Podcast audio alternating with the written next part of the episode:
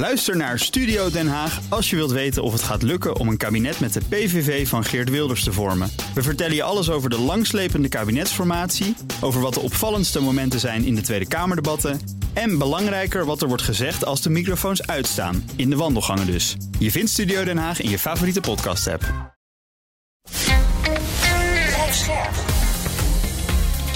BNR Nieuwsradio. Boekenstein en de Wijk. Hugo Reitsma. Welkom bij Boekenstein en de Wijk. Het is maandag dag 593 van de oorlog in Oekraïne en dag 3 van de oorlog tussen Israël en Hamas. In kort bestek de situatie in Israël op het moment dat wij spreken. De Israëlische krijgsmacht stelt de situatie aan de grens met de Gazastrook weer onder controle te hebben na de aanval van Hamas afgelopen zaterdagochtend. Tot vanochtend werd er nog op plaatsen gevochten. Hamas beschiet Israël vandaag nog steeds met raketten. Dodental in Israël volgens Israëlische media opgelopen tot zeker 800. Israël heeft sinds het weekend meer dan duizend doelen in de Gazastrook gebombardeerd, zegt een legerwoordvoerder. In Gaza wordt gesproken van meer dan 500 doden. Hamas uh, stelt 130 Israëli's te hebben gekidnapt. Zou ook sprake van zijn dat een aantal van hen bij die bombardementen is omgekomen. De Israëlische minister van Defensie heeft bevolen tot een volledige blokkade van de Gazastrook. Stroom, brandstof, maar ook voedsel en water leger heeft 300.000 reservisten opgeroepen. Zwaar materieel wordt verzameld in de buurt van de Gazastrook. En in een verklaring zegt het leger dat nu het moment is gekomen om zelf in de aanval te gaan. Uh, nou, hoe kijken jullie hier naar? Nou, het doet me zeer sterk denken, jongens, aan uh, 2014. Operatie Protect Protective Edge. Hebben jullie daarvan gehoord? Hè? Dat was een grote operatie. Uh, dat die volgde ook op, uh, uh, laten we zeggen, aanvallen van uh, Hamas met raketten. Hebben er toen ook 4500 raketten en granaten afgeschoten hoor. Waarvan er in die tijd met 300, ja, 330 ongeveer, 730 ongeveer zijn neergehaald door dat Iron Dome, Dome systeem. Hm. En wat je dan ook ziet is dat eigenlijk het scenario zich lijkt, met een grote streep onder lijkt te halen. Eerst luchtaanvallen, als het voorwerk daarmee is uh, gebeurd, dan gaan de troepen erin. En dat is een behoorlijke slagpartij geworden. Uh, en dat praten we over bijna tien jaar geleden. Maar het lijkt bijna hetzelfde uh, te zijn. Ja, het grote verschil is alleen nu dat de Israëli's dachten dus dat ze veilig waren achter het Iron Dome, die ijzeren koepel. En dat blijkt dus niet het geval te zijn, omdat deze aanval heel slim werd gedaan. Omdat ze ook dat, dat commandocentrum dat het grens een beetje monitort hebben uitgeschakeld. Dus dit is wel een, dit is wel een, heel erg een eh, moment van grote schok in Israël. Zeker, maar, dat, was toen ook al zo hoor, uh, uh, Jan. Dat was dus tien jaar, bijna tien jaar geleden was dat ook al zo. Uh, want daarom zei ik ook, 4500 raketten en granaten zijn er toen afgeschoten. Ruim 730, die zijn neergeschoten door Iron Dome. Er zijn toen ook heel veel doorheen gekomen. En je kunt dat zo'n systeem gewoon overweldigen. Ja, Gewoon voor de verzadiging hè, is dat. Ja, exact. dan kun je er doorheen komen. Wat nu meteen al wordt geconcludeerd is dat dit uh, een, een enorm inlichtingenfalen is. Hè? Dat Israël zich zo heeft laten verrassen. Ja, dan moet je dus eh, je realiseren dat in heel veel gevallen uh, inlichtingen best wel aanwezig waren. Zeg maar op tactisch niveau, de, de, de, de, mensen die dat verzamelen in, in, in dit geval in Gaza, dat, dat dat was vaak al bekend. Uh, er was ook bekend uh, dat uh, dit jaar het aantal problemen alleen maar groter werden. Ook het aantal aanvallen die gedaan werden, die werden alleen maar groter. een van de redenen waarom het heel vaak fout gaat, is om al die inlichtingen bij elkaar te krijgen, zeg maar, al die tactische hmm. inlichtingen bij elkaar te brengen. Dat is bijvoorbeeld helemaal fout gegaan met 9-11, van ja. toen het onder andere het World Trade Center door Al-Qaeda uh, werd kapotgeschoten met vliegen, of kapot gemaakt met vliegtuigen. Uh, toen waren ook alle gegevens al aanwezig, maar we wisten het niet bij elkaar te brengen. En het allergrootste probleem wat je heel vaak ziet, en dat is volgens mij nu ook aan de hand, is dat als je die informatie hebt, uh, dan is het moeilijk om het bij de politiek te krijgen. Want die politiek die leidt aan wensdenken, die, die ziet het niet, die is met andere dingen bezig. En ik heb het, het, het het, het, gevoel dat op dit ogenblik, en ik heb er ook wel aanwijzing voor dat dat zo is, in verband met de dysfunctionaliteit van het huidige kabinet, mhm. eh, dat men eigenlijk gewoon heeft uh, gezegd, nou ja, we negeren dit maar eventjes. Ja. Er zit ook gewoon een hoop ideologie bij, hè? van, ja, dat doen ze toch niet, want we zijn veel te sterk, en nou ja, enzovoort. Ja. Gewoon... dat laatste punt is belangrijk, omdat als je, als je aan het strand ligt in Tel Aviv, hè, Dan Hmm. denk je van, nou ja, we hebben dus een, de beste krijgsmacht van het hele Midden-Oosten. En Hamas durft dat niet te doen, want als ze dat doen, dan zal de bevolking, de Palestijnse bevolking in de Gazastrook, Ja. zich tegen Hamas keren. Nou, dat is dus een misrekening eh, gebleken. Het is vermoedelijk ook zo dat Iran natuurlijk eh, geholpen heeft hiermee. Er zijn in ieder geval bijeenkomsten geweest, hè, waarvan we nu afweten. Dat is nog geen bewijs, maar er zijn trouwens ook bijeenkomsten geweest met eh, Lavrov. Hè. Dat is ook geen bewijs, maar het is, het is er wel geweest. Nou, ik denk zelf dat dit toch een heel dramatische ontwikkeling is. En met name vanwege de internationale implicaties. Hè. We Nou, wacht even, nog even over wat je noemde, het, eh, eh, over, nog even over die, die inlichtingenfout. Vijftien jaar geleden, de Yom Kippur-oorlog, toen gebeurde precies hetzelfde hoor. Ja, ja. En toen werd er ook gedacht van, eh, nou, die eh, landen uit de omgeving die zijn niet sterk genoeg. Die zullen dit eh, wel niet nemen, want, Rus, want Israël is te sterk. En ze hebben het toch gedaan. En dat heeft geleid tot, tot de Yom Kippur-oorlog. Die in de Arabische wereld als een overwinning wordt gevierd. Hè? Terwijl uiteindelijk dus Israël won. Hè? Dus het is een soort overwinningsstemming. Maar goed, de internationale implicaties, daar moeten we het echt over praten. Ook voor Ja. de rode draad van onze podcast. Hè? Kijk, het is nu al zo dat Amerika eh, munitie gaat sturen naar eh, Israël. Hè? Er zijn Mhm. trouwens ook Amerikaanse munitievoorraden in Israël die worden aangesproken. Dat kan dus de bevoorrading van de Oekraïne raken. Dat lijkt me de eerste implicatie. Hè? En de tweede is dat ja, als dit helemaal misgaat, en ik ben nogal zwartgallig over wat er nu allemaal gaat gebeuren vanwege die gijzelaars en die toestanden, dit kan ook tot vluchtelingenstromen leiden. Hè? En verder wat ik heel belangrijk vind, is dat die eh Saoedische erkenning van de staat Israël, hè, die wordt dus nu natuurlijk bemoeilijkt. Hè? Een onderdeel daarvan was dus die twee-staten-oplossing, die is ook verder weg. Nou, als dat allemaal dus niet meer kan, dan gaat Israël zal zich gedwongen voelen om weer die gijzelaars proberen te bevrijden. Hè? Nou, we weten dat uit vorige raids dat dat natuurlijk maar een groot probleem is, omdat je heel veel mensen doodt. Hè? Vandaag zijn er ook al heel veel mensen, heel veel Palestijnen daarbij omgekomen in die raids. Dus met andere woorden, als Israël dat zou doen, dan kan Hezbollah natuurlijk met, met die 150.000 raketten van het noorden komen. Vanuit Libanon. Ja, Ja. ja. en Israël zegt zelf, ja, als, als Iran hier achter zit, dan zullen we het Iraanse leiderschap straffen. We zitten dus heel dicht bij een groter regionaal eh, conflict. Ja, ik denk dat dat eh, een waar woord is. Ik weet niet of het 150.000 raketten zijn, want ik, eh, de rakettenaantallen die Hezbollah zou hebben, eh, die worden wel steeds eh, groter, moet ik, eh, moet ik zeggen, in, eh, ehm, in de discussies. Eh, want ik, volgens mij waren het er 40.000, maar daar kan ik ook helemaal fout eh, mee zitten. Maar dat Hezbollah een veel krachtigere organisatie is dan Hamas, dat is een ding Ja. dat zeker is. Maar Ja. het is nog steeds niet zo sterk als het Israëlische leger.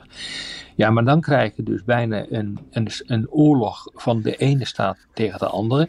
Dat is natuurlijk eh, Hezbollah niet.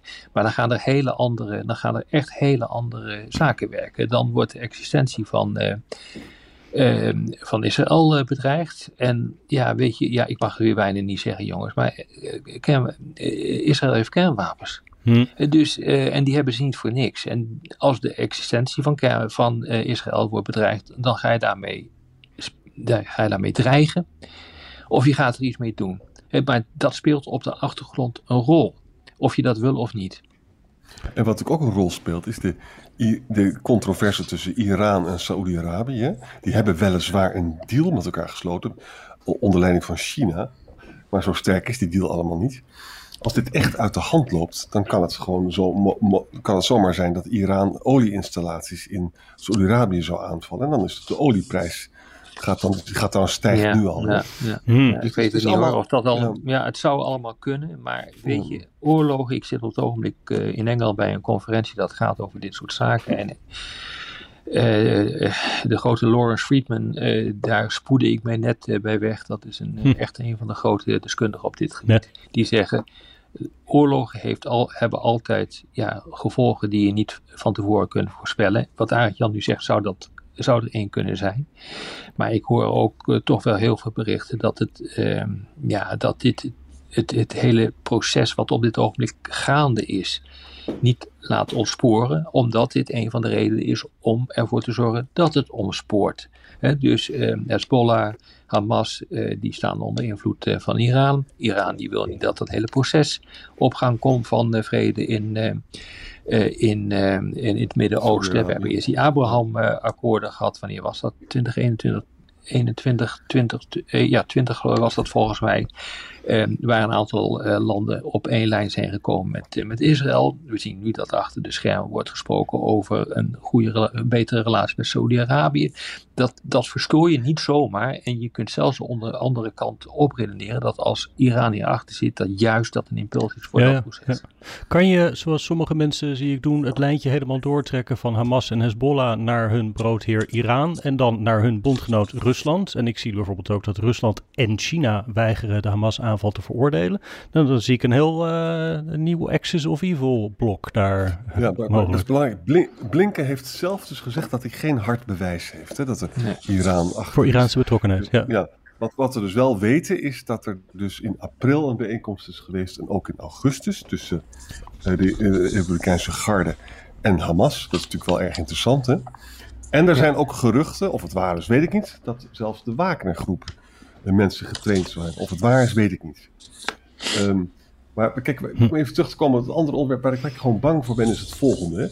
Als Israël besluit om er echt in te trekken, dan zou dat een trigger kunnen zijn voor de Hezbollah-raketten vanuit Libanon. Hè? Dat ja, dat kan. Kunnen. Ja. ja. dat kan. En, en, en, dat zijn dingen die zijn eer, we hebben dat allemaal eerder ook meegemaakt. Ik wil er ook op wijzen dat bij die eerdere oorlog met Libanon, dat dat niet goed ging in, bij de Israëlische krijgsmacht. Zo zo'n toverkrijgsmacht is dat nou ook niet weer. Hè? Is ook niet meer. Dus met andere woorden, er zijn wel, het is, ik vind het Midden-Oosten veel onveiliger geworden dan het was. Dat is ook zo. Kruidvat. Ja. Het is nu echt toch wel heel gevaarlijk aan het worden. Ja.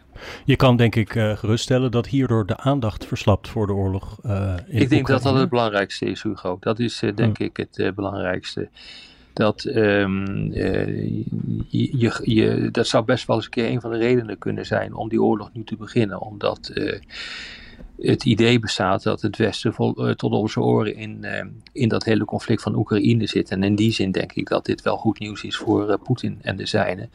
Die ja. zien dat van ja, nu, um, nu, hoe complexer die situatie, hoe beter het is. Even een, een, een super klein uitstapje, maar we hebben ook geconstateerd dat die hele, dat hele probleem van uh, Nagorno-Karabakh, waar Azerbeidzjan is binnengevallen, dat heeft ook gewoon te maken met het feit dat uh, het Westen, maar ook het, uh, ook het Kremlin, te veel bezig zijn met die oorlog in Oekraïne. Dus je kunt het nu doen. Dus in die zin ja, we hebben nu al wel trouwens gezien dat er een keiharde battlegroep uh, daar naartoe gaat hè, van de Amerikanen. Een vliegtuigschip. Ja, ja, zeker. Even nog een geopolitieke analyse hè, vanuit Iran. Dus Iran voelt zich ook bedreigd hè, door die de positie van Saudi-Arabië die Israël zou erkennen. Als Saudi-Arabië Israël zou erkennen, dan zijn dus drie sleutel uh, choking points, hè, dat zijn van die, zeg die handelsknooppunten, zijn dan in handen van Amerikaanse bondgenoten. Suezkanaal, -hmm. Egypte, de straat van Hormuz, heel bekend hè. Maar ook de Bab al-Mandab, de Rode Zee, Adriatische Zee. Dat is natuurlijk, vanuit Iraans perspectief is dat een hele verslechtering. Hè? Dus die willen, dat is een revisionistische uh, mogelijkheid. Die wilden echt, echt voorkomen dat Saudi-Arabië die deal sluit met Amerika. En het is, is ook volstrekt onduidelijk of dat nu ook doorgaat. Hè? Dat, dat weten we niet. Ja, dat weten ja. we niet. Maar zeg, als Poetin uh, hoopt dat wij de blik op Oekraïne verliezen, dan rekent hij natuurlijk buiten Arend-Jan Boekenstein. Hè? Zeker. Ja. ja, het ja, het hele, hele podcast. Ja. Ja. we gaan gewoon door. Ja, nee, maar dat is wel een belangrijk punt wat je maakt hoor. Je moet niet nu de fout maken om de, de, de focus op Oekraïne te verliezen. Nee. Want dat, politici hebben daar echt de neigingen toe. En we hebben ook, ik heb, ben begonnen met die intelligence failure. Uh, nou, dat, dat duidt er gewoon op dat politici gewoon een aandacht niet uh, bij meerdere dingen kunnen houden. Ja, maar weet je, het probleem wat hier speelt, en dat is echt heel erg problematisch. Je ziet bij de kranten nu dat ze allemaal, naar, ze rennen allemaal naar het Arabisch-Israëlische conflict. Hè? Ja. En, ook, en Oekraïne gebeurt eigenlijk veel minder nu. Behalve de goede internationale hoor. Die zijn nog steeds ja. zeer afgewogen. En die redacties zijn veel groter en die kunnen dat wel doen. Ja, maar, maar zowel de Wall Street Journal als de New York Times Washington Post, bijna alle aandacht, 80% is Israël en 20% is Oekraïne. Hè? Mm -hmm. Ja, klopt. Uh, En, en dat heeft natuurlijk gevolgen. Dit is, dit is toch slecht nieuws. Wat ik interessant vond, is dat Zelensky zelf dus zijn zorgen uitsprak over Israël.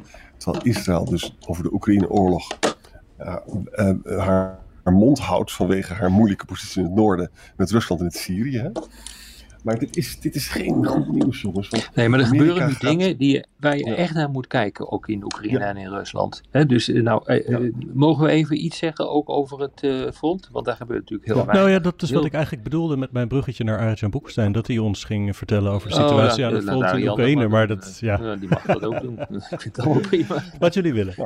Nou, Rusland heeft eh, eh, een aantal eh Oekraïnse aanvallen afgeslagen bij Liman en bij Tars, Tarske, of Torske, Torske moet ik zeggen. Hè? Dus het gebeurt echt heel weinig hoor. Eh, Oekraïne heeft de Russische aanval afgeslagen bij Novoprokopivka. En, en heeft een gedeeltelijk succes bij Verboven. Waar het er gewoon op neerkomt, jongens. Dat is allemaal Zaporizhia, hè? dat laatste wat Ja. je noemt. Ja. dus Ja, je moet echt naar zomer- Ba- Bakhmut en, en westelijke Zaporizhia Oblast, daar moet je naar kijken. Daar wordt enige, enige vooruitgang geboekt van 100 tot 300 meter. Dat zit. Ja, 125 kilometer, vierkante kilometer sinds de zomer. Daar praten we over, jongens. Ja. De zaak zit gewoon vast eigenlijk. Hè? Nou ja, goed, dat weten we al een hele tijd. Maar er gebeuren een aantal andere dingen, denk ik, die, waar je echt nu naar moet kijken. En dat is niet. eh, dat, is, ehm, dat is echt zorgwekkend. En dat heeft niet te maken met Oekraïne, maar het heeft te maken met Rusland. Hè, Als je nu kijkt naar het nucleaire eh wapengekletter, wat je op dit ogenblik hoort, Mhm. dat is niet fijn. Dus eh, er is net eh, besloten om de productie van de Sarmat ICBM, dat is een intercontinentale ballistische raket waarmee Amerika kan worden getroffen met kernwapens, die worden in productie genomen. Ja, dat wordt de nieuwe standaardraket van, eh, eh, van de eh, Russische intercontinentale kernmacht. Nou, dat is nog tot daar aan toe, eh, want dat weten we. Maar wat er ook gebeurt, en dat vind ik echt een groot probleem, is dat op die eh, radio en televisie op dit ogenblik ehm, in eh, Rusland ongehoord eh, wordt gefilosofeerd en geschreeuwd dat het Westen nu maar eens een keer een toontje lager moet zingen. En Ja. dat de kernwapens moeten worden ingezet. Dat is nogal een hele Poetin- tijd zo. Ja, maar dat begint nu in de overtreffende trap te komen. Dat, we hebben het vorige, vorige week hebben we het over die Valdai-conferentie eh, gehad. Daar begint dat eh, ook te komen. Je ziet dat Poetin zich er nog een beetje bij, eh, buiten houdt. Maar waar Poetin wel mee bezig is, is na te denken of het eh, Comprehensive Testban Treaty moet Ja. worden opgezegd. En Ja. dat is een, Ja. een van de allerbelangrijkste, zo niet het belangrijkste akkoord van de Koude Oorlog. Die verbiedt dat kernproeven worden gehouden, zowel ondergronds als bovengronds. Op dit ogenblik weten we dat op Nova Zembla, eh, vroeger werden die, die, eh, die proeven vooral gehouden in wat, een, wat nu Kazachstan is. Maar ja, ze hebben nog een testsite over in Nova Zembla. Daar, wordt, daar zijn nu, blijkt uit de satellietbeelden, allerlei zaken aan de hand. Waarbij zeg maar, de reconstructie van die oude testsites ter hand wordt eh, genomen. Daar word ik niet echt goed van, van eh, wat hier eh, gebeurt. Dus je ziet Oh. nu ook dat er nu ook discussies beginnen te komen van moeten we niet gewoon dus hier en daar waar wij helemaal in het begin van de oorlog uitvoerig over hebben gespe- gespeculeerd, dat is nu helemaal weer terug. Moeten we niet dus gewoon ergens een kernwapen tot ontploffing eh, laten komen? En dit is onderdeel daarvan. En weet je, de, de, de Duma die krijgt, heeft dus tien dagen gekregen om die Comprehensive Nuclear Test Ban te bespreken. En het gaat het voorstel om het niet te ratificeren. En 18 oktober verwacht ik dat ze het niet gaan ratificeren, wat ze ook al meermalen hebben aangekondigd. En wat er natuurlijk bij hoort, is inderdaad zo'n test op Nova Zembla zou natuurlijk de gewenste afschrikkende werking hebben die Poetin natuurlijk beoogt. Is het nou bijna- afschaffen of niet ratificeren? Want de Amerikanen hebben het niet geratificeerd. Ja, het gaat over de ratificatie, geloof ik. En de, en de, en de Russen hebben het ook niet geratificeerd, maar ze gaan dus nu. Ze, willen dus, ze gaan de Duma van, wij stellen voor om het niet te ratificeren. Dat we dus vrij zijn. Hè? En dan de volgende stap is natuurlijk om zo'n test te doen. Dat is allemaal helemaal niet zo vreselijk moeilijk, zo'n test. En, dat, en daar hopen ze dan afschrikkende werking van te krijgen. Ja, ja. Richting de Oekraïne-oorlog. Misschien nog één puntje wat mij betreft eh, daaruit te lichten was het bericht dat na het bezoek aan Noord-Korea van president Poetin het goederenvervoer uit Noord-Korea Ja. naar Rusland dramatisch Ja. zou zijn toegenomen.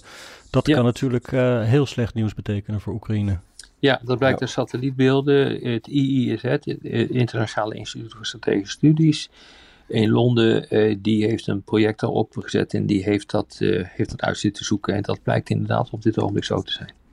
Dat kan Rusland voorzien van de broodnodige artilleriemunitie en Ja, raketten exact. misschien. En nog een laatste puntje. De presidentsverkiezingen in Rusland eh, 2020 gaan gewoon door. Eh Kadyrov had het voorgesteld om het uit te stellen vanwege de oorlog. Of gewoon alleen maar eh, Poetin te benoemen. Maar dat leek Poetin zelf geen goed idee. En ze gaan dus gewoon keurig door. Want we zijn een keurige democratie, zei hij. Nou, toch nog een stukje humor in de podcast voor vandaag. Dank jullie wel en tot morgen. Tot Tot dan. morgen.